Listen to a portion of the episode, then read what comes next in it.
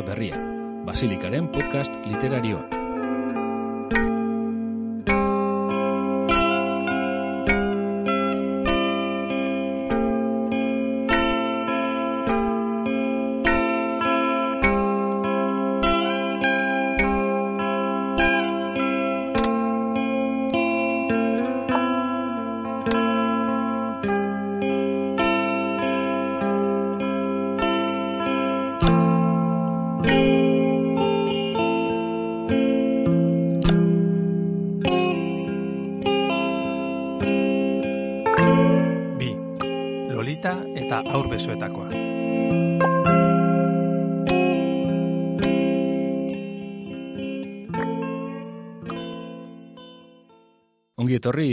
Basilika proiektuaren barruan egiten dugun Zelanda Berria podcast honen bigarren saiora, e, aurreko saioan landu genuen gaiarekin jarraituko dugu nolabait e, oraingo honetan ere, Goratuko duzu, aurreko antzun zenutenok, e, Vanessa Springoraren Le Consentement e, liburuaren inguruan aritu ginela, eta horren arira nolabait e, literaturaz, pederastiaz, onespenaz, e, bueno, onelako kontuak landu genituen. Horri segida emateko, bueno, gai horretaz aritzean askotan agertu izan diren e, bi novela izango ditugu izpide gaur, e, batetik Vladimir Nabokoven Lolita eta bestetik e, John Miranderen aur besoetakoa. Eta e, gaurkoan gonbidatu berezi bat dugu gainera aur besoetakoari buruz e, aritzeko, e, Amaia Elizalde hariko da gurekin solasean, e, Bera, John Miranderen aurbesoetakoa mila beratzireun eta iruroita mar, modernitate ukatua tesiaren egilea da. Eta, ba, seguru, ba, Miranderen obrari buruzko argibide e, desente emango dizkigula, eta, eta nolabait novela irakurtzeko modu askoz gehiagorekin aterako garela saio honetatik. Horrekin hasi aurretik, ba, pixka bat eh, lolitaren inguruan ere hitze dugu, Lolita zaituko gera, ba, baita ere, aitzakia moduan aur besoetakoa zere hitz egiteko, ze aurreko saioan entzuleen batek eh, komentatu zigun, e, oh, harritu ginen, e, beti aizate, kanpoko literaturaz, eta ez duzu ez aipatu aur besoetakoaz, bueno, bukaeran aipatzen genuen, bigarren saioan adituko ginela, Horren, horren zordun edo, gaurkoan aur besoetako izango da protagonista, eta horrekin lotuta Lolita, ez, e, biliburuak segidan irakorri ditugu, eta ia esan, ba, bueno, irakurketa berri bat eh, eskintzen dizu biliburu hauek segidan irakurtzeak. Eta esan bar dugu baita ere gaurkoan ekarri dugun musika Elena Setien, Grande Deis eta Xavier Erkiziaren artean ateratako Mirande diskotik ekarria dela.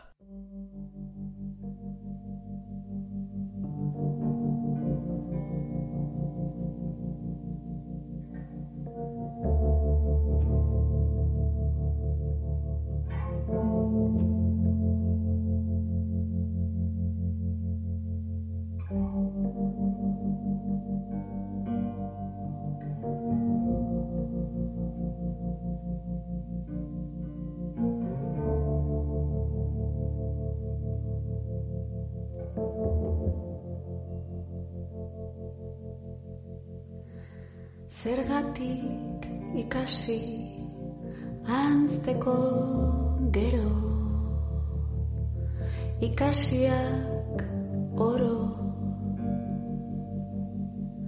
Zergatik ikusi hainbertze lurralde. Hainbat hainbat jende. Ezer ezin eutxi Zergatik lastan du Zergatik iguindu Bilar edo etzi Ni non naiz izango Ez naiz ordongo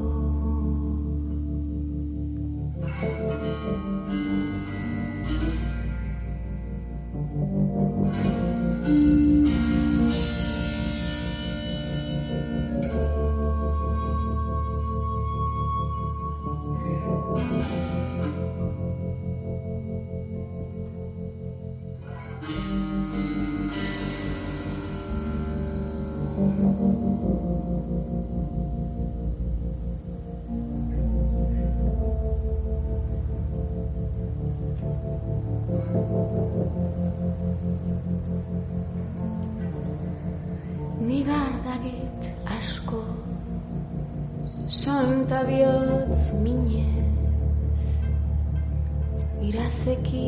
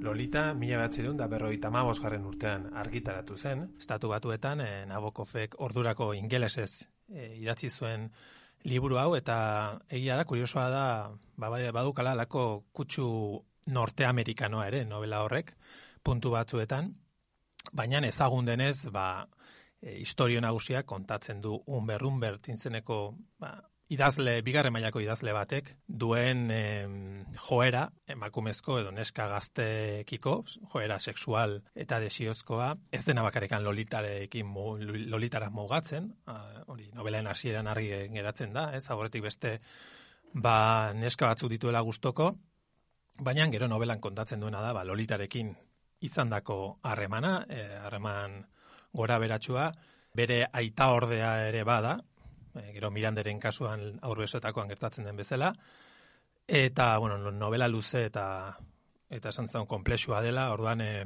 bueno, jorka ezakit, zuk zer nabarmenduko zenuke novela honen inguruan.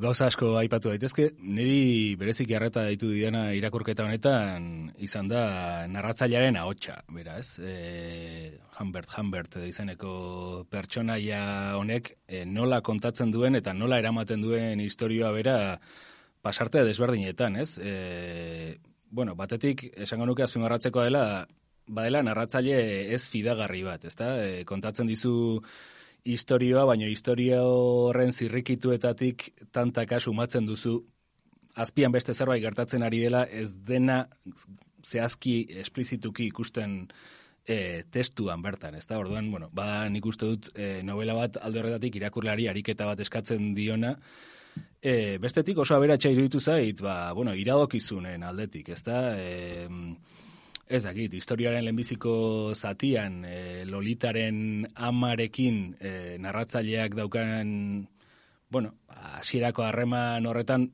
Ni gogora etorri zait adibidez narratzaile motaren gati, seguraski bereziki forma Oxforren historio hori goibelena, E, baita ere, ez dakit, beraien arteko harremanean badago alako Jane Austenen arrotasuna eta aurre juzguaken usain bat edo, aipatzen ditu, gero espizituago ere, Flaubert, e, ez dakit, bago zati bat road movie baten itxurakoa dena, eta hor, nolabait, estatu batuetako leku bakoitza deskribatzeko, ia modu obsesibo batean, ba, daukan jarrera horrek ez Walt Whitman baten, e, bueno, e, Leaves of Grass e, karri zian gogora, ez dakit, oso, oso aberatxa iritu zait, referentzia aldetik, eta oso ahots narratibo berezi batek kontatu da, ez? Bai, ahots narratibaz ari zarela, narratzaile ez fidagarriena, ba, Wayne Booth e, kritikariak proposatu zuen The Rhetoric of Fiction liburuan, e, klasiko bat narratologian barruan, eta hori oso interesgarria da, ze hortik aurrera, ba, pixkanaka, mm, aukera ematen du ikusteko novela batzuk, mm, batzuk esan duzu moduan, e, dirudienaz arago, beste zebe gertatzen ari dela. Gertatzen da, narratzaileen ahotsa hain indartsua denean, hori irakurleak ondori estatu egin behar du edo sumatu behar du, fidagarria ez delako narratzaile hori. Jakina, narratzaile oro klasiko bat fidagarria da neurri batean, o printzipioz, e, zeberak sortzen du mundu fikzional guztia, eta baina kasu honetan narratzaile subjektibo bat ez ari gera. Mm, Noritaren kasuan lehen personan idatzia dago, e, da, idazle horrek berak, e, Humbert Humbertek idazten du, e, gainera e, ordurako kartzelan dago, eta nolabait e, epailen aurrean idatziko balu bezala idazten du, hau da, bere historia kontatzen du epaileei, eh, e, bai, baita ere baduka beste alderdi literario bat, ze era berean novela bada, ez? Ornalde horretatik ere komplexua da, eta horrekin lotuta importante da baita ere itzaurrea. Itzaurren azaltzen da, esan dezagun balizko li, novela horren editorea, eta editore horrek kontatzen du nola Humber Humbert hilo ondoren argitaratzen dutela novela hau. Horrek esan nahi duena da, ba, geruza asko daudela novela honetan, eta ezin esan daitekela inolaz ere Humber Humbert eta Naboko persona bera direla, hori absurdua litzateke. E, eta geruza horiek aztertu behar direla, eta e, kontuan hartu behar direla. E, eta era berean, geritzi ingo dugun bezala, ba, lolitaren, lolita dago, ezta? Eta lolitaren desere, deserosotasuna, eta lolitaren egoera jazarria erakusten duten momentu bat, baino gehiago daude novelan, ez direnak izugarri esplizituak, baina aski esplizituak edo zein irakurlek ulertu alizateko ez. Mhm. Bai, gero, bueno, mm, novela hona ekarri izanaren arrazoietako bat da, mm, beti lolitaren inguruan, eta gero aipatuko dugun aur besoetakoaren inguruan dagoen hauzi morala, ez? Ea, bueno, e, ea zilegiote den, onelako novela bat, onelako gai bat lantzen duena, publikatzea, ea publikatzen duten moduan, edo egin den moduan e, zuzena ote den, eta bar, Nik, eh, aipatu duzun itzaurre, itzaurre hori azpimarratuko nuke, ze itzaurre horretan, nolabait, novelaren balizko editore horrek, e, nahiko argi esaten du, Humbert Humbert, e, legenar moralaren adibide distiratxu bat dela, ez? E, beraz, bueno, aipatzen da horren publikazioa, nolabait, gizarte hobea sortzeko lan egiten duten entzat, e, oartarazpen bat izan daitekela.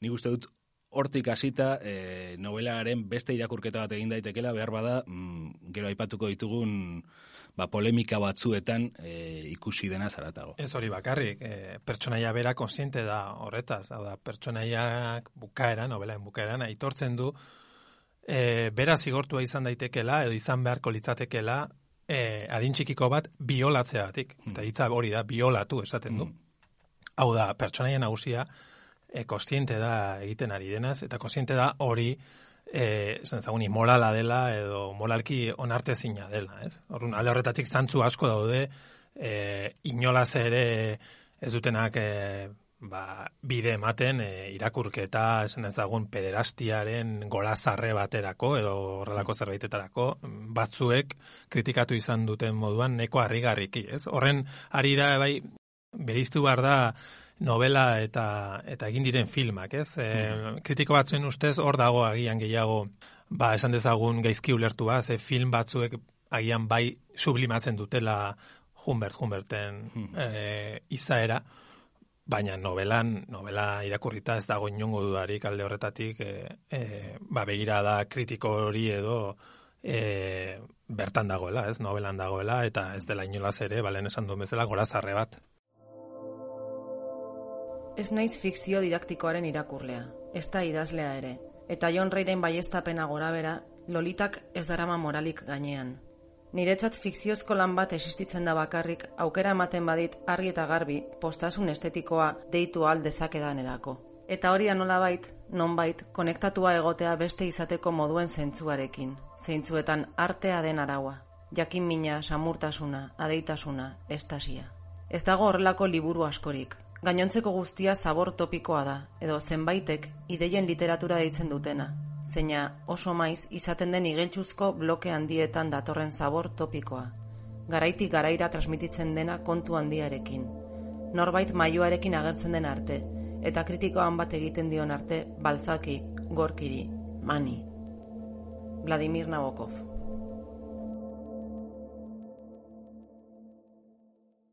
Dena, de, bueno, kritika hoietako bat aipatzeagatik eta desente zabaldu zena izan zen e, Laura Freixas idazleak e, egin zuena, okerrez baldi manago, el país egunkarian.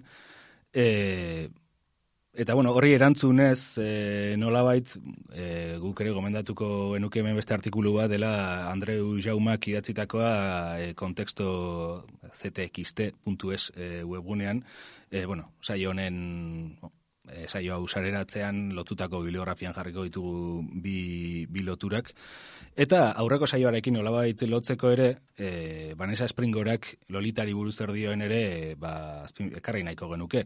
Izan ere, Le Consentiment e, liburuan lolitari buruz ere hitz egiten du Springorak, Eta hain zuzen Springora bera da esaten duena, ba, ba bueno, pederastiaren apologia bat, baina gehiago, haren e, nolabait kondena gogor bat e, gisa ulertu behar dela e, Lolita, ezta? E, hor, bueno, beraz, aurreko saioan aipatu genuen liburu hori ere, eta hor Lolitari eskintzen zaion pasartean ikuste dut, e, gomendagarria dena, bizka bat gai honetan behintzat e, Lolita kokatzeko.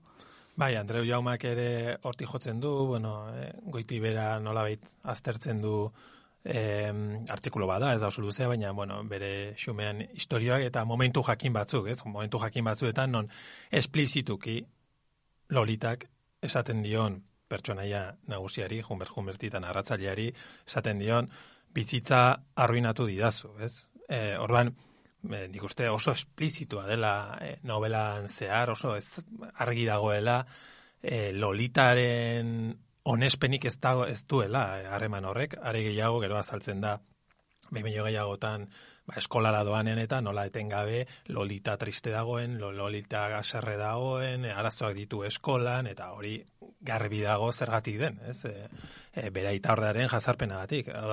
Horalde horretatik nik uste harri-harri ere egiten zaite nola sortu diren polemika hauek eta iruditzen zaik gehiago direla, ba igual, ba, esan duen bezala, e, ban, pelikulekin nasmendua edo, ze hor, Laura Freixa aipatu duzu, baina nor badago ere sarean eta jarriko dugu esteketan, e, debate bat, e, Laura Freixa eta Sergio del Molinoren artean, el paisen antolatua, e, eta biak hor bideo bidez da, eta biek hor e, aztertzen dute Lolita, eta hor ere, ba, Sergio del Molino izaten du, ez? Nola bete gehiago geizki ulertua, pelikulen gatik dela eta ez beste novela gatik, ze novela novela ezin dela akusatu e, pederastia bultzatzea gatik edo olako zerbaite gatik, ez.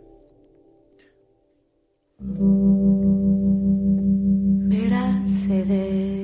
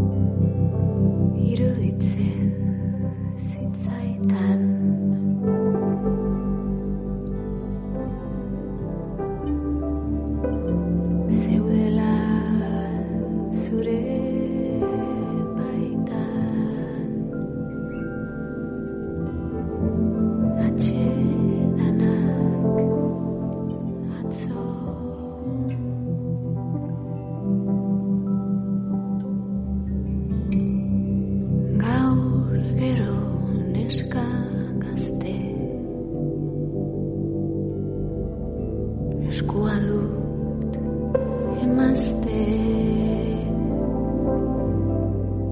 et uchiko sai sinto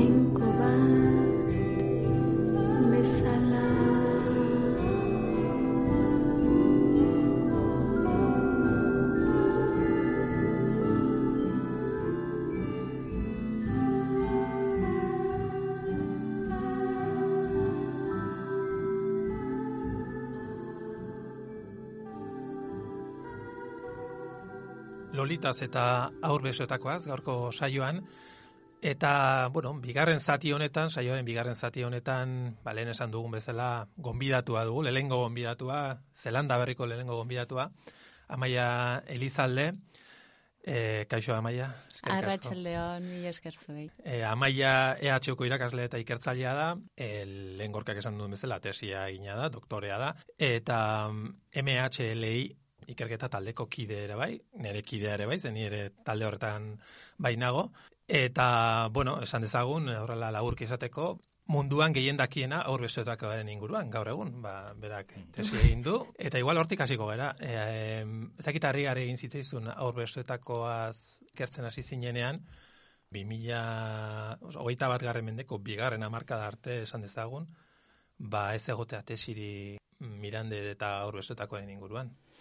Ba, bai, bai, egia esan oso harrigarri egin zitzaidan, zeren eta jo, ba, gainera, irakurtzen zenitunean edo entzun ere bat estigantza diferenteak, idazleenak eta goraipatuz, e, bai Mirande, baina zehazkiago ere aurbesoetakoa, bagero, ez, ze kontraste hori horrek bai atentzioa ematen zuen, nabarmen. Eta gero batez ere, ba gero hasi nintzenan pixka bat arakatzen euskal literaturaren historiografietan, ba, claro, argi zegoen horretzegoela lanketa kritiko oso zehatzik eta azaltzen zela, edo ez, baina kasu askotan azaltzen zela, baina deslekuan. Hau da batzutan poesiarekin, beste batzuetan, ba ez dakit horrela e, altzen moduan sartuta, ez? Eta, garo, ba, lanketa akademikorik ez zegoen ez zola kritikarik, ba, orduan ez zeukan toki jakinek, eta esanen, bueno, a ber, zer egin Ez da gaitxarra tesi baterako, ez? E, Ez oso divertigarria izan zen gainera. Bai, gero esan behar dugu baita ere, ba, mengu gure hauzi moralarekin etorri gerela, eta amaiak behin miliotan esan duela, badala garaia horbestetakoa, hauzi moral honetatik arago eta lolitaz arago e, irakurtzekoa. Eta, ba, zeu, bai, ados gaude, baina, e, ba, bueno, guri ona, ona etorri gera, eta eskertzen diogu amaiari gugana etortzea, naiz eta gai honekin berriro bueltan etorri izan. E, baina, bueno, e, amaia, pixkat, galetun nahi genizun lehenik eta bain, ba, bueno, novela hau mila da irurogeita marrean argitaratu zen, arestiren bidez, okerrez banaiz, ez, e, baina, bueno, argitalpenak ere, ba, bide luzea jo zuen, eta, igual, taki kontatu dezakezun, ba, nola izan zen idazte prozesua eta argitalpen prozesua. Hor ja agertzen dira nolabait, ba, aurresoetakoaren gaiaren problematika, eta ze erantzun sozial, eta, eta gauza horiek, ezta? Bai, ba, bai, bueno, nik aztertu nuen pixka bat, e, aurbesoetakoaren modernitatea eta gero baita ere harrera, ez? Modernitate horren harrera, eta harrera, ba, inkluso, esan genezake, hasten dela, argitaratu, bueno, argitaratu, berez argitaratu, bukatu baino lehen. Hau da, Mirandek hasiera hasieratik oso presente zeukala, harrera posible bat, e, traba, ez, zentxore posible bat, eta saiatu zela, ahalik eta ez dakit modu poetikoenean gauzak adierazten. Edo, ez, badakigu ba mirandek etzuela mundu guztiarentzako berdin idazten, etzuela beti dena idazten denek ulertzeko moduan, eta bueno, harrera, balizko harrera hori, e, hasiera hasieratik oso presente zegoen, ez? Eta gero, ba, egia da berrogeita emeretzian amaitu zuen arren, ba, etzuela lortu argitaratzea, bueno, garaian oso espazio gutxi zegoen. Eta beti esaten da frankismo, frankismoaren zentsurak eta oztopo handia suposatzen zuela, baina bueno, horre ere pentsatu beharra dago garai horretan, e, hortaz aparte, iparraldean, ere adibidez argitaratzea, bueno, zergatik ez, ez, aukera batzen horretzegoen frankorik, baina beste zentsura behar bada eraginkorragoa zegoen e, garaia hartan, iparraldean, eta, bueno, ba, elizaren zentsura, ez? Egoaldean ere bazena, baina, bueno, pues igual momentu horretan ez hain, hain, hain, hain gogorra, edo. Eta... Zuke, aipatu izan dezu, okarrez banez inoiz, Osa, beldur gehiago zuela mirandek, ez hainbeste igual eh, Frankoren zensuran eta bar, baizik eta Euskal Komunidadearen zensuran, edo eukizezakena harreran, ez? Bai, bueno, eta esango nuke, mm, garai horretan argitaratzeko tresnak edo argitaratzailearen rolean zegoenak ere horren beldur, bera haiek ere horren beldur zirela. Adibidez Michelenak eta momentu batean esaten dute. Ez hainbeste goikoen gatik, baizik eta irakurleen gatik. Hau da, e, Euskal irakurleek zer, e, zer, ez? E, gertatuko da honekin, ez? Eta eganetik ez ez, e, Ipar Euskal Herrian saiatu eretzen egin, hortzera zeudelako, ba, Apaiz batzuk, ez, ba, lafit eta arteko, jadanik e, eukizuen aberarekin, ez, ikamika, ba, poema erotikoak argitaratzeko azelako, baina venezuelan, eh, eta miango larrarekin, baina, bueno, e, iritsi zenaren belarrietara, eta, bueno, Euskal Zaindian ez sartzeko ere, ba, egin zuen nolabaiteko betoa, eta, bueno, en fin, oso enfilatuta zeukaten mirande. Eta ozeanoaren bestaldean, Atlantikoaren bestaldean ere, ba, ibina gabeitiarekin saiatu zen, handima ibina gabeitiarekin, baina, arke santzioa, pues alde batetik azpiegitura oso eskasa zeukatela, eta, ba, adibidez, e, makina kontuak eta e, ibiltzen zirenak ba, idazten eta hori ba, Euskaldunak ez zeuzkatela horietakoak eta karo, akatspilo bat egon zitezkela oso garesti ateratzen zela eta eta bueno, gero hortaz aparte, ba Salvatore Michelenari datzi zion ibina gabeitiak esan ez, ba ba eskandalo garri xamarra zela. Miranderi esan zion oso ederra zela ta saiatuko zela eta beste eta ziurraski egia da, eh? Baina bueno, eh ez dakit. Eh Salvatore Michelenari esan zionak ere ikuste dut errepara handia ematen ziola indar handiegia egitea hori argitaratzeko ere eta bueno, arrazirik ez zitzaion falta, ez? Horre, aipatu duzu, berroita meretzirako bukatua zuela, eta hor beti dagoen zalantza da, beti aipatzen dela, eta berriro errepikatuko dugu. Ze punturaino ezagutzen zuen Mirandek Lolita, ze bere liburutegian agertu zen bere Lolita liburua, esan dugun bezala berroita ma bostean Lolita argitaratu zen, eta oso azkar arrakasta izan zuen liburu horrek.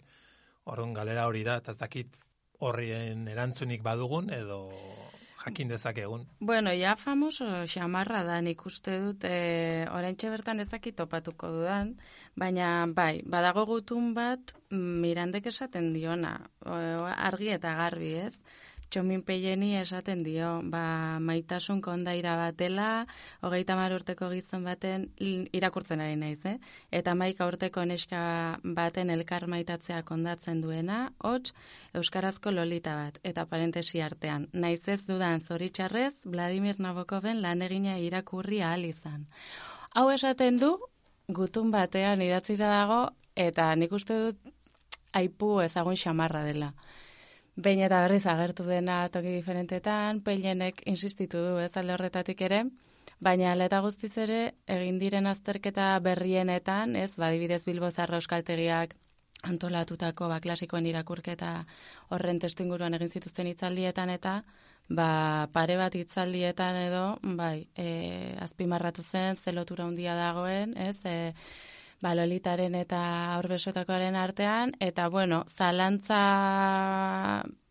bazazki Pablo Jose Aristorenak esan zuen Bueno, zalantzak dituela arrazoi ezberdinen gatik, ba, ez dote, bueno, ez dote zen gezurra izango, ez mirandek esaten zuena, irakurri ez izanaren hori.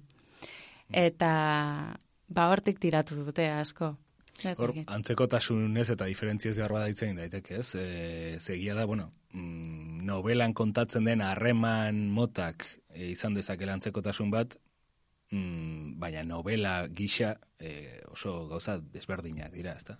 Bai, bueno, egia da gaia, originala, originala ez dela, baina, bueno, hori adibidez, Joseba Sarri honandiak, laro gaita iruan maiatzen argira, argitaratu zuenean aurbesoetako eta beste ninfula batzuk, ba, horra adibidez egin zuen baita ere, ibilbide bat, ez, askotariko ninfulak egon dira, eta eta zeuden orduan, eta egongo dira, ezakit, pentsatzen dut. Hori ez da originala, eta ez da eren aboko bekasmatutako zerbait, naiz eta berrogeita mabostean argitaratu liburua, ba, ba ezakit, mirandek erreferentziak, en fin, eukizitzakeen nik aldakipa, ba, ba, literatura klasikoan daude, horrela, eta mirandeko songi ezagutzen zuen, ezagutzen zuen ingeles literatura, ezagutzen zuen aleman, alemandar literatura, esan dut, mm, ba, noski etzela berak asmatutako gai bat, baina ez dut uste ere naboko bi hartutakoa izango zenik ere. Edo, hori pentsatzeko arrazoia daudenik ere. Ipixka, beste bideo bat dijo kuruko, klasikoak aipatu dituzunez, eh, esan izan duzu horbesotakoa badela novela klasiko bat, baina ez aspaldi idatzia delako, eh, bizirik dirauelako baizik, ez da? Bai, ba, jo, hain zuzen ere naiz eta, bueno, ba, momentua, momentua hau izango da, ez, bizitzen ari garen e, momentu enten, ba, jendartea mota batekoa da, eta irakurketa batzuk egiteko, eta jarrera batzuk hartzeko joera dauka gustatu dala ez gustatu. Ba, bueno, baina kontua da, e, erreakzioak eragiten segitzen duen liburu badela, ez? Irakurtzen duena ez duela inoiz epeluzten, eta dela e, norantza batean edo beste batean, baina bai, baina emozioak eragiten ditu, erreakzioak eragiten ditu. Eta ezin daukatu ere, literatura zari garela, literatur tradizioan sekulako eragina izan duela. Aur besoetakak, bueno, mirandeko orokorrean, ez? Baina agian asko, esan behar nuen gehiegi, eta kontua ez da gehiegi. Baina asko hitz egiten da, ba, miranderen poesiaren itzalaz, baina nik esango nuke bere narrazioak ere bai oso poetikoa denak, ere bai bide batez, baina bueno, ba, sekulako eragina izan duena. Geroko adibidez, ba, prosa laburrean, ipuin gintzan, eta berretan.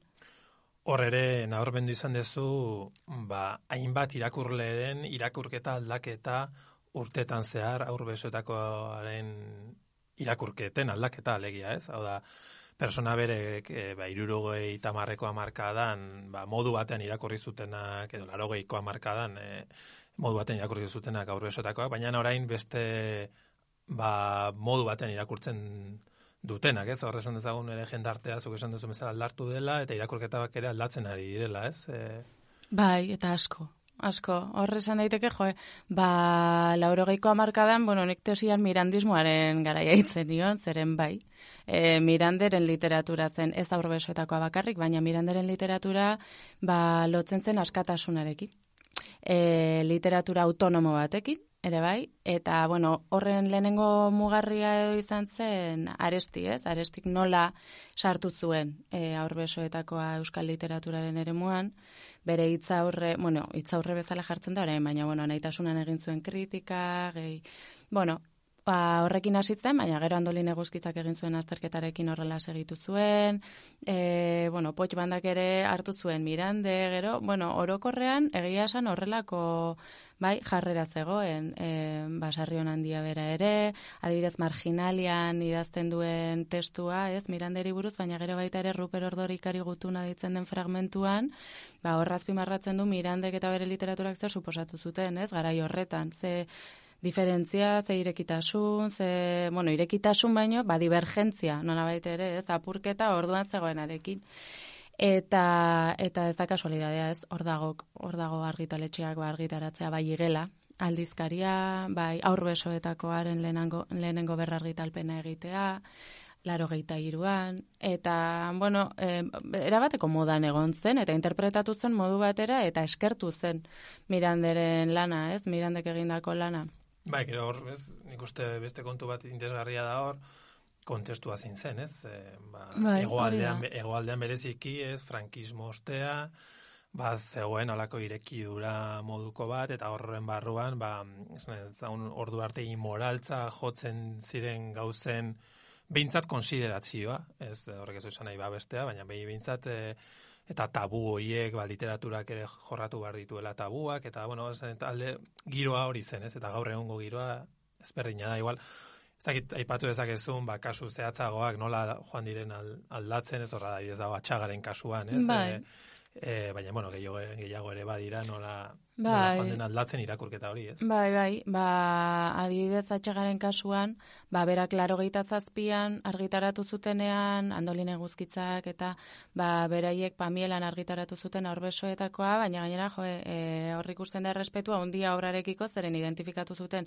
arestiren lan, aberez moldatua zela, etzen miranderen testua original-originala, Euskara baturatzen moduko bat egon zen, eta hor, errima eta asko galtzen ziren e, poetikotasuna testuarena, eta orduan hartu zuten, eta atxagak egin zuena izan zen itzoste moduko bat, eta horri interpretatzen zuen oso modu, oso literaturaren ikuspegitik, oso zeraren, eta beti ere balioan jarriz, ez? E, aurbesoetako andolin eguzkitzaren ere hitzaurre bat ere badago, idazlearen ofizioa nabarmenduz miranderen gan, eta beste zera, Eta gero atxagak adibidez egindako bilakaera, mm, ba izan da oro, orokorrarekin bat egiten duena, ez? Eta ez du, hau da, pues adibidez Bilbozarrak e, antolatutako klasikoen irakurketa horretan, ba berak esaten du ja, ez? Nabarmentzen du, ba nazismoaren zera, nabarmentzen du baita ere, bueno, ez dela tapatu behar, ez? E, hori zabor poetikoa dela esatea, bueno, ba, horra azken finean, mm, dagoena dela pedofilia istorio bat eta, ez, pederastia istorio bat. Eta gainerako, bueno, ba, ornamentu guztiak direla, ba, erabiltzen du hitz hori, ez, zabor poet, poetikoa. Eta, bueno, ba, hor posizionamendu garbi badago. Baina nik uste dut, e, bueno, adibidez, eh, nik sarri honen direi ez diot horrelakorik irakurri. Pos ondo gongo litzateke baita ere berei galdetzea, ez? Orain zer esango zenuke, zuk, e, honi buruz edo, bai, ez dakit, gero baita ere, ba, feminismotik egiten diren irakurketak, zertan, zertan geratzen diren edo zertan erreparatzen duten. Baina bai nik uste dut, e, Mirande momentu honetan dela e, zuzentasun politikoaren, bueno, gaur egun dagoen joera horren, ez, zuzentasun politikoaren erabat out, out, out, edo kontraposizio erabatekoan kokatzen den zerbait. Eta orduan diskurso guztiek harrapatzen dutenean, ez, ba, zuzentasun politikotik erabate baztertu, baztertu egiten dute. Eo. Lehen komentatzen zenigun baita ere, e, irakurle taldetan ere sumatu duzula aldaketa hau, ez? Bai, bai, sortea izan nuen, ba, inigo aramarriren irakurle taldera juteko, justu, ba, horbesoetako irakurtzen ari ziren, eta beraien, bueno, antzeuden askota, as, askok, esan zuten, ba, ba, ze diferentea bere garaian irakurri zutenean horbesoetakoa, eta orain irakurritakoan jose gogorra, ze gogorra, hori zen asko e, nabarmendu zena ez ze gogorra, ba, momentuan egin zitzaiela ba, ederra eta ba, seguraski ba, apurtzaia eta bar, ba, bazena, ez? Eta, eta berriz irakurtzean, ba, egin zitzaiela gogorra, gogorragoa, bai.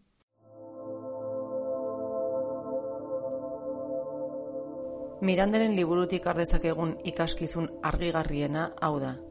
Obra hau libertateari eskinitako kantu bat dela. Gezurra badirudi ere.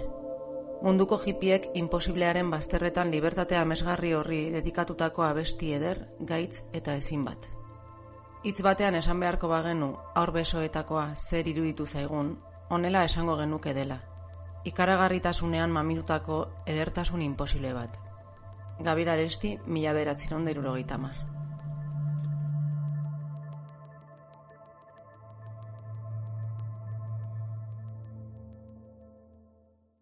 Zuk dena den tesian, okerez badimanago, planteatzen zenituen irakurketa desberdin batzuk, bat baina gehiago, okerez banago hiru bat, bai, ez dakit alko zenituzken pixka bat, e, oiek azaldu labur labur, ba, tesi Bai. bat hemen laburtzea zaila dela, baina... Bai, bueno, tesi batean sartu behar dira referentzia asko eta asko, baino gero hitz gutxitan ere esan daiteke, eh, bertan esaten dena. Ez da desprestigiatzeagatik, baina horrela da. E, alde batetik esaten nuen, ba, modernotasunaren pixka bat, joe, ba, egitea lotura mm, e, literatur modernismo kanonikoarekin, ez azken finean aurbesoetakoa euskaraz idatzita dago, baino Mirande Parisen jaio zen. Eta Parisen ez izen, eta Parisen bizi izan zen, eta kultura izugarria zeukan. Eta azken finean, aurbesoetakoak dialogatzen du, ba, ordura arte Euskal Eremuan existitzen ez ziren erreferentzia askorekin. Eta zentzu hortan egiten ditun, ba, irakurketa batzuk.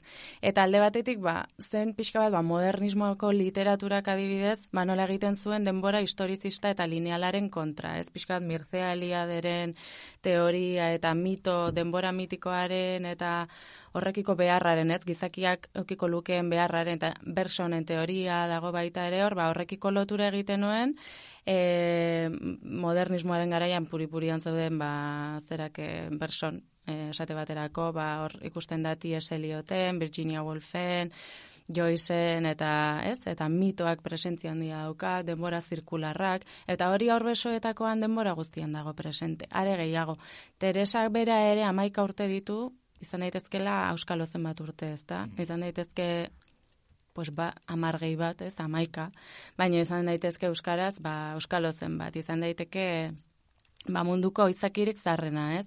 E, referentziak egiten zaizkio paganismoari, jainko paganoei, egiten zaio, bueno, amaitu gabea deitzen den kanta bati, bukatzen da eraztun batekin, zirkuloaren figurak, mm, en fin, e, baita ere garrantzia handia dauka. Gero baita ere, ba, bukaeratik hasi berriro egiten da, ez? Mm. Amaigabea izango litzateke, azken Hor, finean historia, hori da. Pertsonaia honekin, ez da? Hori da, pintoreak esaten du zer egingo dut, pintatu edo idatzi egingo dut, hau da, artelan bilakatuko dut bi hauen historia inoiz amaitu ez dadin eta inoiz hil ez dadin, ez? Eta orduan konturatzen gara narratzailea pintorea dela. Eta orduan berriro hasten da. Eta egitura zirkular hori, ez? Eta hor, markatu, simbolismoa Bai. aipatu duzu, eta gaina momenturen batean esplizitoki aipatzen da simbolo, sim, eh, bai ba, Teresa Sim- simboloa dela. esa simboloa dela, eta hori da, igual gera, geroago hori ere aipatuko dugu, baina hori adibidez oso ezberdina da lolitarekiko. Lolitan ez dago irakurketa simbolista hau inolaz ere, eta lehen aipatuen idazketa liriko hau mirandek daukana, e, igual, atxak esaten zuena zabor poetikoa, baina hori nabarmena da, ez? El lirismo daukan e, novela honek e, lolitek ez daukana, ez? Mm. Nik ikusten duena da, irakurketa posible asko daudela, eta ja, ari asko jarrita daudela tira egiteko, ez? Hor badago baita ere, ba, alegorikoa, Euskal Herriaren alegoria da, ba, beste simboen, beste zera simboliko bat, ez? E, Teresa izango litzateke, ba, Euskal Herri edo e, aurre kristau baten, e, ez dakit, ba, simboloa irudikatuko lukeena, eta Mirandek berarekin daukan harremana, ba, Euskararekin, eta Euskal Herriarekin edo berak hori izatea nahiko lukeenarekin pues daukan harremana, ez? E, azken finean ba gurasorik gabeko, ez? Kultura bat umezurtza. E, eta berari heltzen zaiona eta berak nahi du kristautasunetik zuzenbide estatutik estatutan kera modernoetatik separatu, nahi dio irakatsi filosofia, nahi dio irakatsi latina, kultura aurre kristauak ez da kasualidadea. Hor dago neopaganismo bat eta vitalismo bat sekulakoa novela horretan. Baina, bueno, ez dela berria ere. Esan nahi dut bere garaian Europa mailan eta ba oso biztirik egon zen mugimendua izan zen, bai literaturan, filosofia mailan ere bai. Eta gero baita ere, nik proposatzen nuena zen, ba, obrak berak simbolizatzen zuela ba, bere zentsura propioa. O, irudikatzen zuela zentsura, zentsura hori, ez? Azkenean, nolitaren Oi, barkatu. Lolitaren, Teresaren eta gizonaren arteko harreman hori zela baita ere, mm, ezinezko harreman hori eta debekatutako harreman hori, ba, zela baita ere, azken finean Mirandek bere obra edo euskal obrarekin zeukan eh, harremanaren dekiko oso paraleloa, ez? Oso oso antzerakoa, edo debeku hori. Baita ere, modernismoan asko irudikatzen zena. Hau da, zen txura bera ere irudikatu egiten zen, errepresentatu egiten zen, modu diferentetara. Kasu honetan nahi ez, aur besoetakoan, bueno, ez da alegoria bakarra behar bada, pertsonaiak ere ulertu daitezke hortik, ez? Jakin, E, bai, ba, adibidez, hortere esan zenide bat agertzen da momentu batean eraman nahi duena, nolabait zuzenbide estatuaren bai. ordezkari gisa, e, Isabel dela aita besoetakoaren bikotea izan daiteke burgesiaren Bai. representazio bat. Bai, nik horrela, horrela interpretatu dut. Teresa da, bueno, ba, Euskal Herri edo zera aurre kristau hori pagan hori, ez, izan, hori simbolizatzen du. Gero Isabela zuk esatu duzuna, burgesia eta Frantzia irudikatuko luke pixka bat. Nik uste dut, ez dela kasualidadea, txillardegik argitaratu zuenean leturiaren egunkari ezkutua, mirandeke idazten dio peileni edo zaitegirien ez gogoratzen, esan ez ba gustatu zaiola, baina gehiagizko miresmena erakusten duela Frantziarekiko. Eta, ez, kanpoan lili, etxean lore, edo lako zerbait esaten zuen. Eta, bai, nik uste dut mirandek e, burgesia edo eredu hori, ez duela. Eta, otxeina edo, e, izango litzateke, nire ustez, e, gehiago elizari lotutako zerbait. Sotana beltzarekin, eta irudikatuta dagoen moduan, apaiza eta horiek dira indarroiek azken finean itotzen dutenak edo gizonaren bizitza, bizi proiektua edo, ez? Baina eta berriz esaten du nola bide zuzenetik alegin den juten beti, eta nola eta zake, eta errebenta saltzen da Teresa dela berarentzako alternatiba bezala, ez? Egarbi dagoela gizon hori gaixorik dagoela oso, oza, alkoholikoa da, ez dakit, en fin. Hor, pertsonaien irakurketa hauetan, behar bada, pintorea da harreman hori nolabait epaitzen ez duen bakarra, ezta? Bai, eta hor da esate duana baita ere, ba, ikusten dela artea alternatiba gisa, ez? E, errealitatean gauzatu ezin den horrekiko, ba, alternatiba gisa. Bizi arazteko eta inkluso eternizatzeko berez e, zinezkoa dena, ez? Eta horrela egiten da e, novelan bertan. Egiten da pintorearen bitartez, betikotu e, maitasun harreman hori. Eta pintura hori edo margolan hori da aur besoetakoa.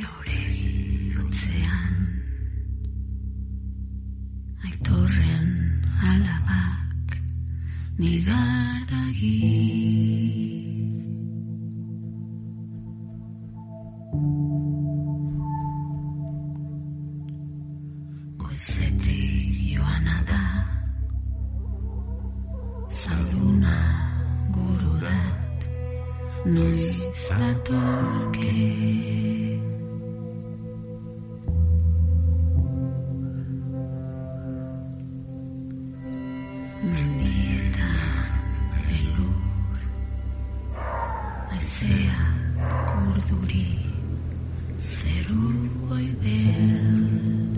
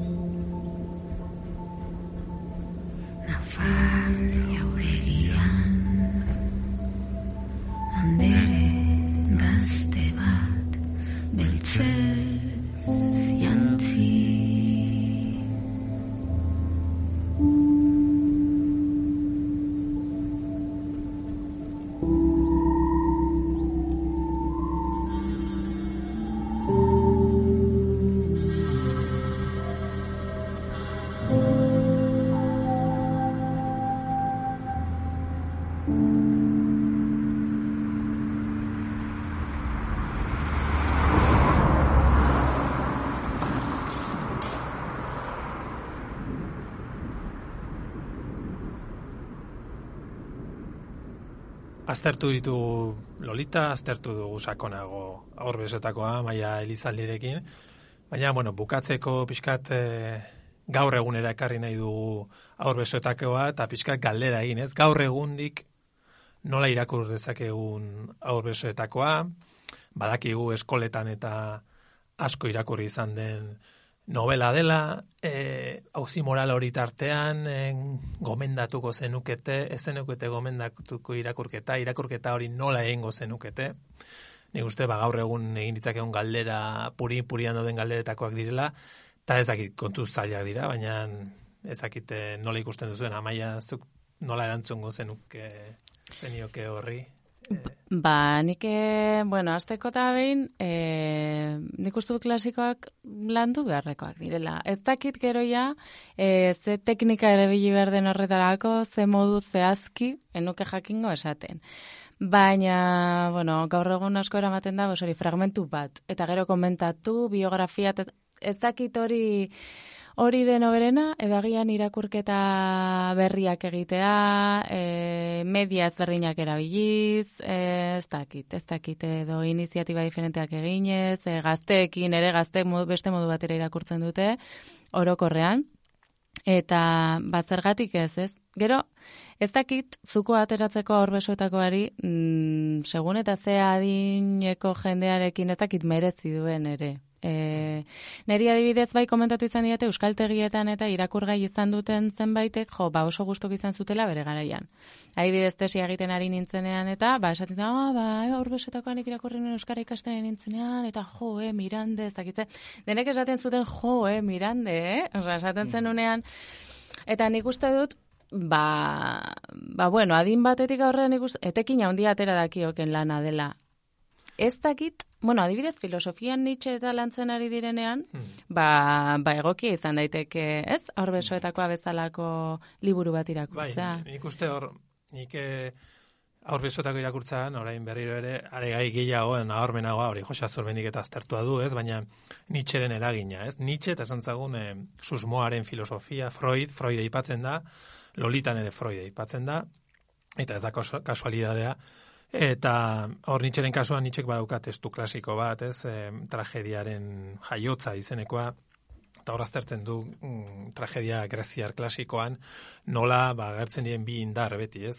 Indar apolineoa edo apoloren kandidatorena, eta da arrazoiaren e, indar arrazoia ordena, eta Dionisio, ez? Dionisio dakizuen bezala ba, ardoaren eta dantzaren jainkoa zen, eta hor Dionisio lotzen da irrazionaltasunarekin, emozioekin, Eta hori guztia, ez? Eta hor, bi indar hoien elkar bizitze batean edo sortzen da Nietzscheen arabera e, Greziako tragedia, ez? Eta nik uste hemen agertzen dela neurri batean, ba, Mirande esaten ari dela Nietzscheren e, bidetik, mm, nolabait indar dionisik, dionisiako hiek edo azaleratzen ditu, ez? Eta askotan irrazionalak eta inkluso ba, onartezinak moralki diren indar horiek existitu, existitzen direla, eta hor daudela, eta horren eh, esan ezagun aitortza moduko bat da neurri batean, baina ez da bakarrikan aurbesoetakoren kasua. Lolitan ere neurri batean hor, hor, dago, ez Lolitan etengabe Humber Humbertek etengabe egiten du borroka bi indar hoien artean, ez? Bera badaki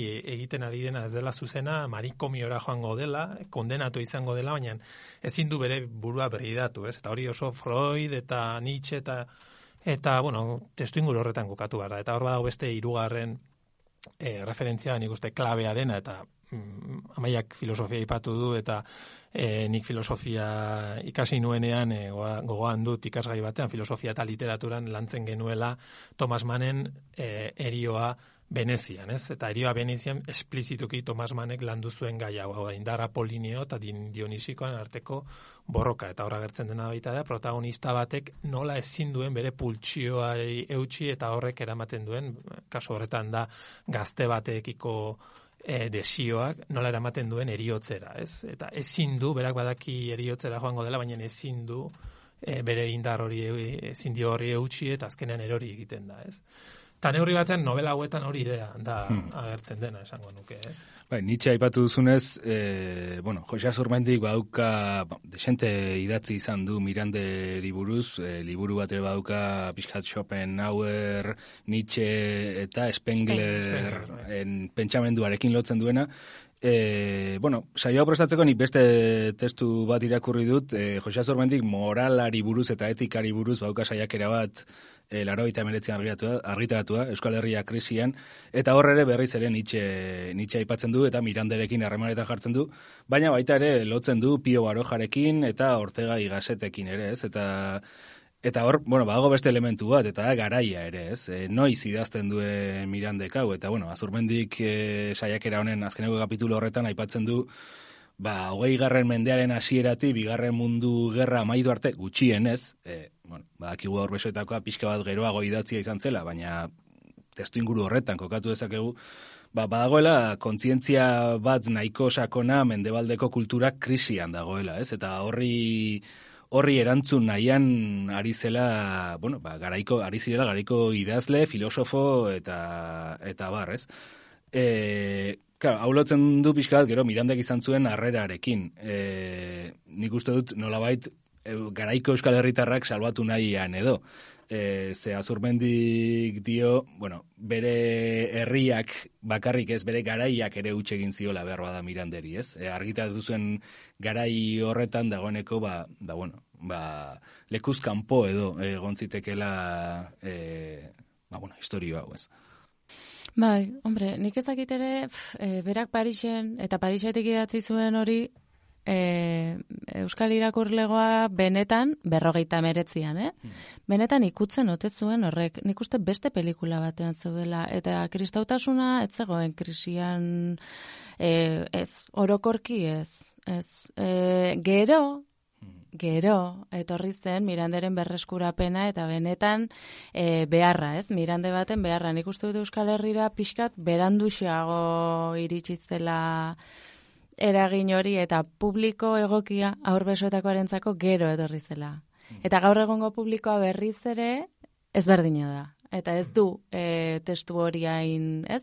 Baina nik uste dut obra bere garaian kokatu behar dela. Eta noski, beste irakurketa aktual batzuk egitea, hori, hori da klasiko, klasiko baten eginkizuna, hori da, inspirazioa ematea, e, berdin du zertarako, ez? Ez gora ipatzeko beti, ez dago beharrik, baina klasiko batia, klasiko egiten duena hori da, besterik ez dago gora ipatzeko beharrik. Orduan, Bai, horren, horren arira nik uste nabarbena dela, ez? Pentsatzen duzu Euskal Idazlen, e, Miranderen belaunaldiko Euskal Idazlen gan, eta ia denak salbuespenik gabe, igual aresti izango da salbuespen bakarra, edo ia bakarra, denak zuten kristautasuna barruraino, katolikizismoa barruraino, Eta Jose Azemanik aipatzen duen krisi hori gehiago da Europa mailan mm. gertatzen ari zena, gertatua zena, baina Euskal Herri mailan amaiak esaten duen bezala, ez dut uste hori zegoenik hauzitan, ez? Eta hori geroago dator, ba, iruro itamarrean, laro gehian bereziki, ez? Ja, ba, belaunaldi berriek eta, ba, ja, belaunaldi, zan ezagun, ateoak eta mm, berriro hartzen dutenean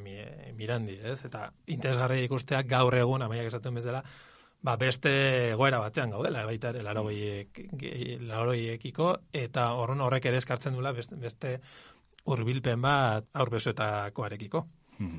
Nez eta, bueno, egia da, e, ni honetaz irakurtzen bago beste gero kargetatu zuen Miranderen idazlaren hautatuak liburuan, e, hor peienek aipatzen du ere, ez? Nolabait, e, moral katoliko horretatik ez ote zen iruita marreko amarkan alako ezkertiarren moral batera pasa, edo tankera horretako kritika bat egiten du, e, batzuek oraindik Miranderekiko hartzen zituzten distantziak edo aipatuz, ez? Eta bueno, beti jarri izan zaion fascista etiketa hau eta eta bar, eta hori ere, bueno, aztertzeko litzateke behar da, nola, bueno, publiko oso kristau batetik, publiko oso ateo edo oso ezkertiar batera nola pasatzen den ia salto batean, ez? Eta ea, bueno, ez ote den zerbait gelditzen aurreko moraltasun horretatik ere behar bada, ez? Nik beti izan da behintzat garai horri erreparatzean arreta ditu izan dian zerbait eta eta bueno, ba, behar bada orain ere sortzen diren debate batzuetan mm,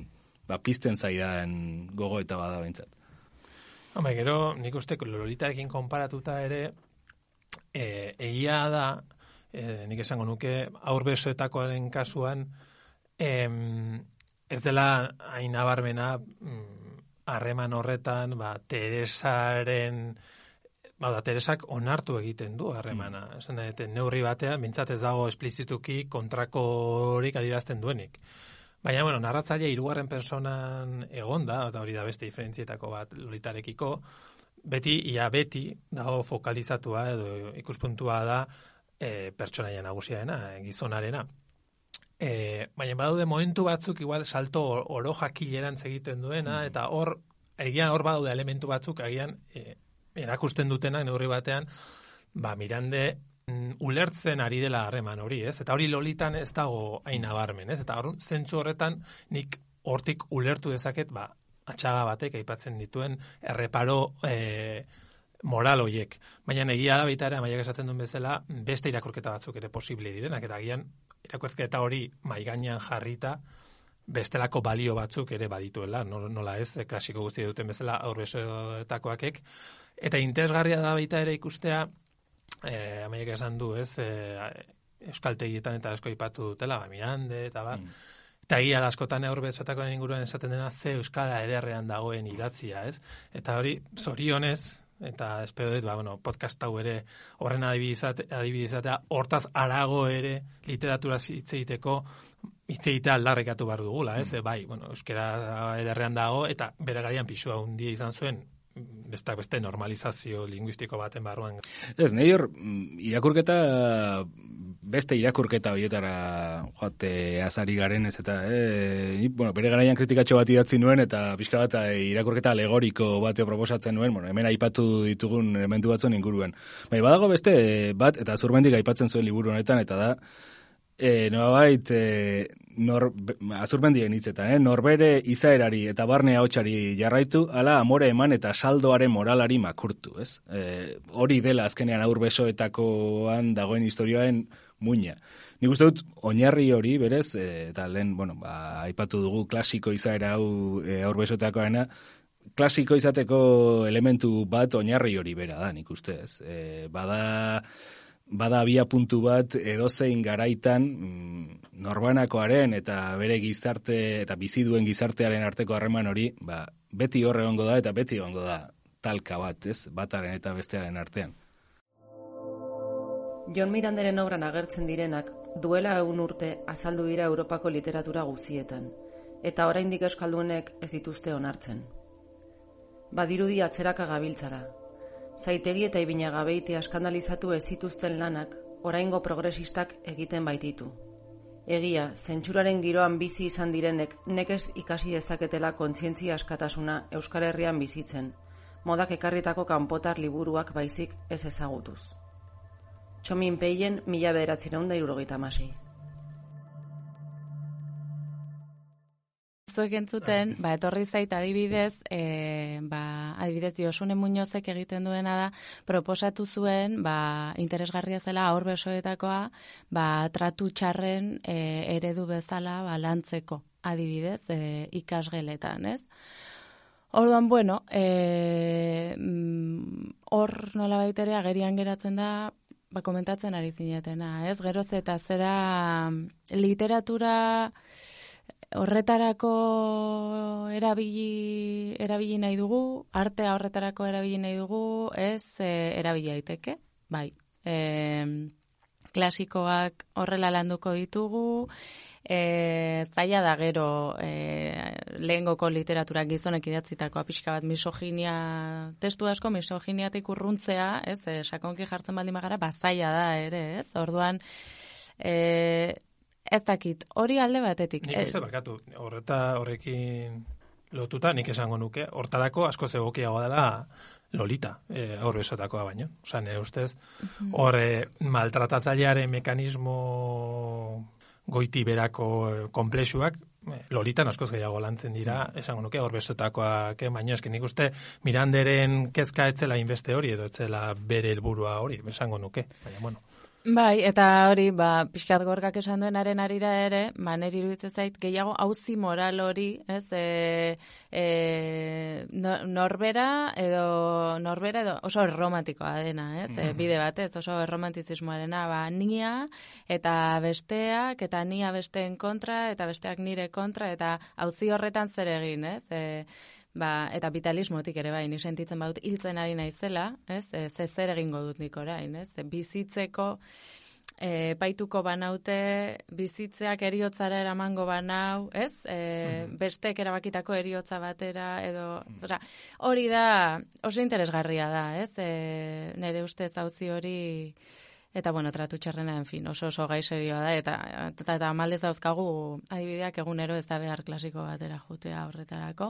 Baina EHZ-etan, adibidez, nik uste pixka bat orokorrago hartzen baldin badugu kontua, ba berriz ere l- pixka bat artearen autonomiaren gaia, zer eskatzen zaion e, idazleari edo artistari, ez? E, zer espero dugu idazle baten artista baten gandik, e, entzutea edo erreproduzitzea berez, e, bueno, orokortua dagoen morala, edo e, estatukoa, ez? E, edo hortik ateratzea, zalantzak mai gaineratzea, deseroso sentiaraztea, zer nahi dugu, ez? Zertarako nahi dugu artea edo Eta, bueno, pues grazia egin zidan zeren da, asko errepikatzen den, e, baino agortezina den agian e, ez da bat, berraktualizatu behar delako, ez? Azken finean, arteak edo artearen arteak jendartean daukan bizitzak, badauka bere bizi propioa edo ez dakit, eta ikusten dugun bezala, ba,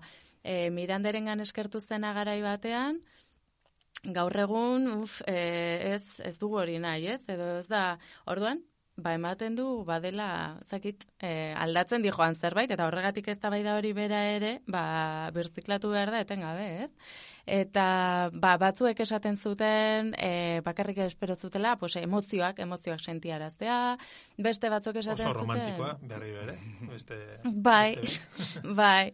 Bueno, gero, ba, bazegoen gehiago posizionamendua, de, ez? Ba, artistak badu bere erantzukizuna, jendartearekiko, eta karo zeren bestela posizio privilegiatu bat ematen zaio, ez? Bestek ez daukaguna. Berak esan dezake nahi duena, baina, klaro, artea denez, ba, ba hor geratzen da. Bueno, segun besteak zeintzuk diren, ze besteak OCDeko e, burua balin badira, ba, privilegioa beste batzuk dituzte, ez? E, Bai. En fin, e, Bai, ez dakit artistek ze puntutaraino daukaten privilegio hori, Bueno. edo, bueno, segun ze posizionamendu ideologikotan zauden, artista izan edo ez, ba, privilegioak dituzu, eta artista da izanik ere, segun eta zein den zure posizionamendua, ba. bai, Bueno, eta, eta zenbat aldatu den hau ere, e, nolabait, presentzia publiko bat edukitzeko tresnak ere asko demokratizatu direnetik. Ze, uste dut Bai. hori ere garaiaren arabera mm, aldatzen joan dela, eta momentu honetan justu ez gaudela behar bada ahots publiko bat edukitzeko ateak ez dauzkala mundu guziak itxita, behar bada beste garai batzuetan bezala. Ze hori ere, bueno, egia da artistak eta artista duela, batzuk sekulako privilegiozko hautsa dituztela, beste batzuk ez hainbeste, ez, baina or- orokortzen denean ora oroar, ba, zaila izaten da, ez, baina, bueno, gero, eta nola hitz egiten duen artista batek, ez, hori batzutan aztu egiten zaigu, artista batek ez du hitz egiten, barkatu gorka, mm, kazetari batzek hitz egiten duen bezala, edo nizerrakit, edo, ez, hau da, bere lehen esan dugun geruza asko daude artista batek, eta esaten duenaren artean geruza asko daude, eta geruza horiek aztertu behar dira eta ikusi behar dira ikusteko mm, mezu hori nola artikulatzen den, ez? Eta behintzat hori aztertu barko genuke iruditzen zait, ez? Bestela gelitzen gera betiko sinplekerietan e, historiak hau kontatzen du eta pederastia e, agertzen da, bueno, vale, baina nola ezin da ikuspuntu ba, e, bueno, hori guztia, ez? Bai, eta agian gara hontan, pues, plantatu beharko litzateke, ea, bueno, egoten ari dira hauzi asko artearen, eh, bueno, zentsura kasuak gerta, bueno, denok dakigu, ez? Orduan, e, bueno, dela raparen munduan dela, baina gainera, hauzitan jartzen ari da, e, eremu ezkerti arrezberdinetatik baita ere, e, adierazpen askatasun hori, ez? E, artearen esparruan ere bai, eta hor baltuz, adibidez, bueno, klasiko bat eta zari garela, ez gara diskurso aktual bat eta zari, baina karo, museo batek diskurso klasiko bat aktualizatzen du. Orduan, ba, ba bueno, Nik uste hori interesgarria dela injustu aktualizazio ariketa hori, ez? Osea, hor dago lehen esan dugun irakurketaren hauzia. Hau da, bueno, berrirakurri behar dira obrak, e, garaian garaian, kontestualizatu behar dira, eta nik uste hor lanketa bat badagoela, baita ere, gure ondare klasikoa beste modu batean irakurtzeko, baina irakurketa horrek eskatzen du hain justu, ba, obran sartzea, obra aztertzea, eta eta hor lan egitea, ez? Baina erresena dena mm, golpetik dena baztertzea eta alde batera pikutara bidaltzea, nik uste ez dela oso zentzuzkoa eta ez duela honik egiten ez da ere e, gai hoietan sakontzean. Gero, ez zaizu iruditzen adibidez aur besotakoarekin mm, dagoen arazoetako bat, mota honetako irakurketak egitean e, dela behar bat eskatzen diogula liburu bati ere nolabait representatu gaitzan komunitate bezala. Ze uste dut hori ere badela, e, atzean dagoen arazoetako bat. Hau da, mm, momentu batean, bueno, zerbait apurtzailea eta berritzailea, beraz, onartzen dugu, momentu honetan, mm, bueno, ba, beste gizarte mota batean, e, ez du gure burua ispilu horretan ikusi nahi, ez? Eta, eta nik uste du literaturak hori ere egin behar duela. Hau da, literatura ez da bakarrik e, errepresentatzeko nolabait mm, gizarte bat bere alde honean. Erakutsi behar ditu ere gizarte baten alde, ba ezakit, osea, gizarte baten abiekzioa ere e, zergatik ez, ez? E, eta, eta askotan uste dut hor galtzen garela ere. Nolabait, ulertzen dugula bai literatura, bai arte orokorrean, e, nolabait, gure representa, gure ispilu bezala, ez? E, ordezkatzen gaituen zerbait bezala. Eta, Bai, eta batzutan gertatzen dena da, denik azken molan asko ikusten dut hori, ez? Irakurle askorengan edo em, zapustuak sentitzen direla, ez? E, esan, jo, berriro, berriro dator alako idazlea edo gure alderdi makurrak edo erakustera, ez? Mm. Eta berriro, eta ez, hori irakurle taldeetan eta Mm. ikusten da, ez? Eta jo, bizitza berez da gogorra eta arun arteak edertu ba, egin beharko balu bezala, ez? Nik uste, bai, da gaur egungo garaiak pixkat hortarantz egiten duela gehiago, ez? E, ba, arteak edertu edo zuk esan duzela, ba, gizartearen alderdi positiboa edo erakutsi beharko balu bezala gehiago bestea baino, eta bestea, bestea utzi dezagun alde batera, edo, bueno, hor dago, baina, bueno, ez dezagun gehiagit hitz egin, ez? Eta askotan artea da baliabide honena gauza hoitaz hitz egiteko, ez? Edo, Bai, nik ez dakit gerotzuk esaten duzuna ispilu izatearena edo ez izatearena, pues azken finean, e, benetan horrelako erra sortarazten baldin badizu, pues agian zerbaiten gatik da. Nik beti, mm, neri, bueno, neri impresio hori ematen dit, zeren indiferentzia da benetan, ez? E, pues zerbaitek ez ditzunean ez zertxo ere esaten, baina horrelako hainbesteko erreakzio alergia sortzen dizunean zerbaitek, ba, ba bueno, ba agian ongi egongo litzake zerbait horrekin hitz egitea pixka bat eta, ez? Eta zerbait horretan zure burua begiratzea ere, zeren eta zerbait ikusten ari zara. Eta gero mm, hor ere, ba nik ikusten dena eta klasiko ez eta iraganaz ari garen ez, Eta gorkak esan duenaren arira pixka bat, ba, karo, e, egia da gurean, e, Eliza bezalako instituzio batek, mai instituzionalean indarra galdu duela, baina moral kristaua eta hori gure erentzia da. Eta gustatuko zaigu gehiago edo gutxiago, apaizen katesimak eta dotrinak irakurtzea, Euskara eder askoan, baina hori ere hor gaudegu, eta gu ere hori gara, eta naiz eta adibidez nienago bataiatuta.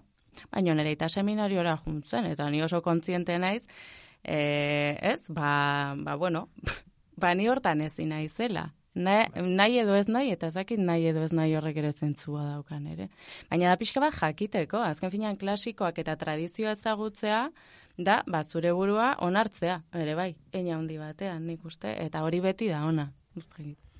E, amaia, mila esker, mila mila esker, Eskerrik e, gure datortzeatik, Eskerrik asko Zelanda zuei. berrira, Basilikako komunitatera, e, lehenengo gonbidatua izan zara, eta kostako zaigu bere mailako gonbidatu gehiago sartzea, eta, bueno, ba, eskerrik asko berriz ere, eta, bueno, beste, beste bat arte, Bueno, ba, niretzako plazer bat izan da, eta espero dutolako beste programa asko egitea.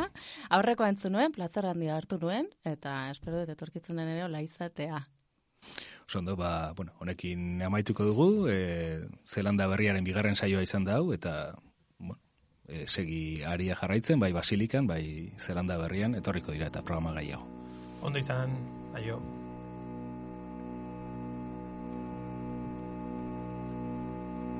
Judizio generalaz nola horit ez dira. Bekatuan bizi dira beti bere aixira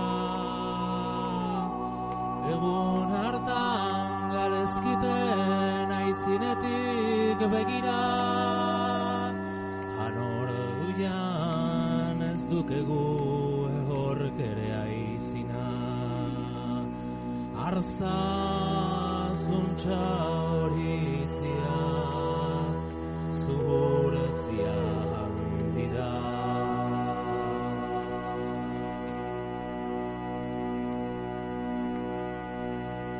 Manamendu igorten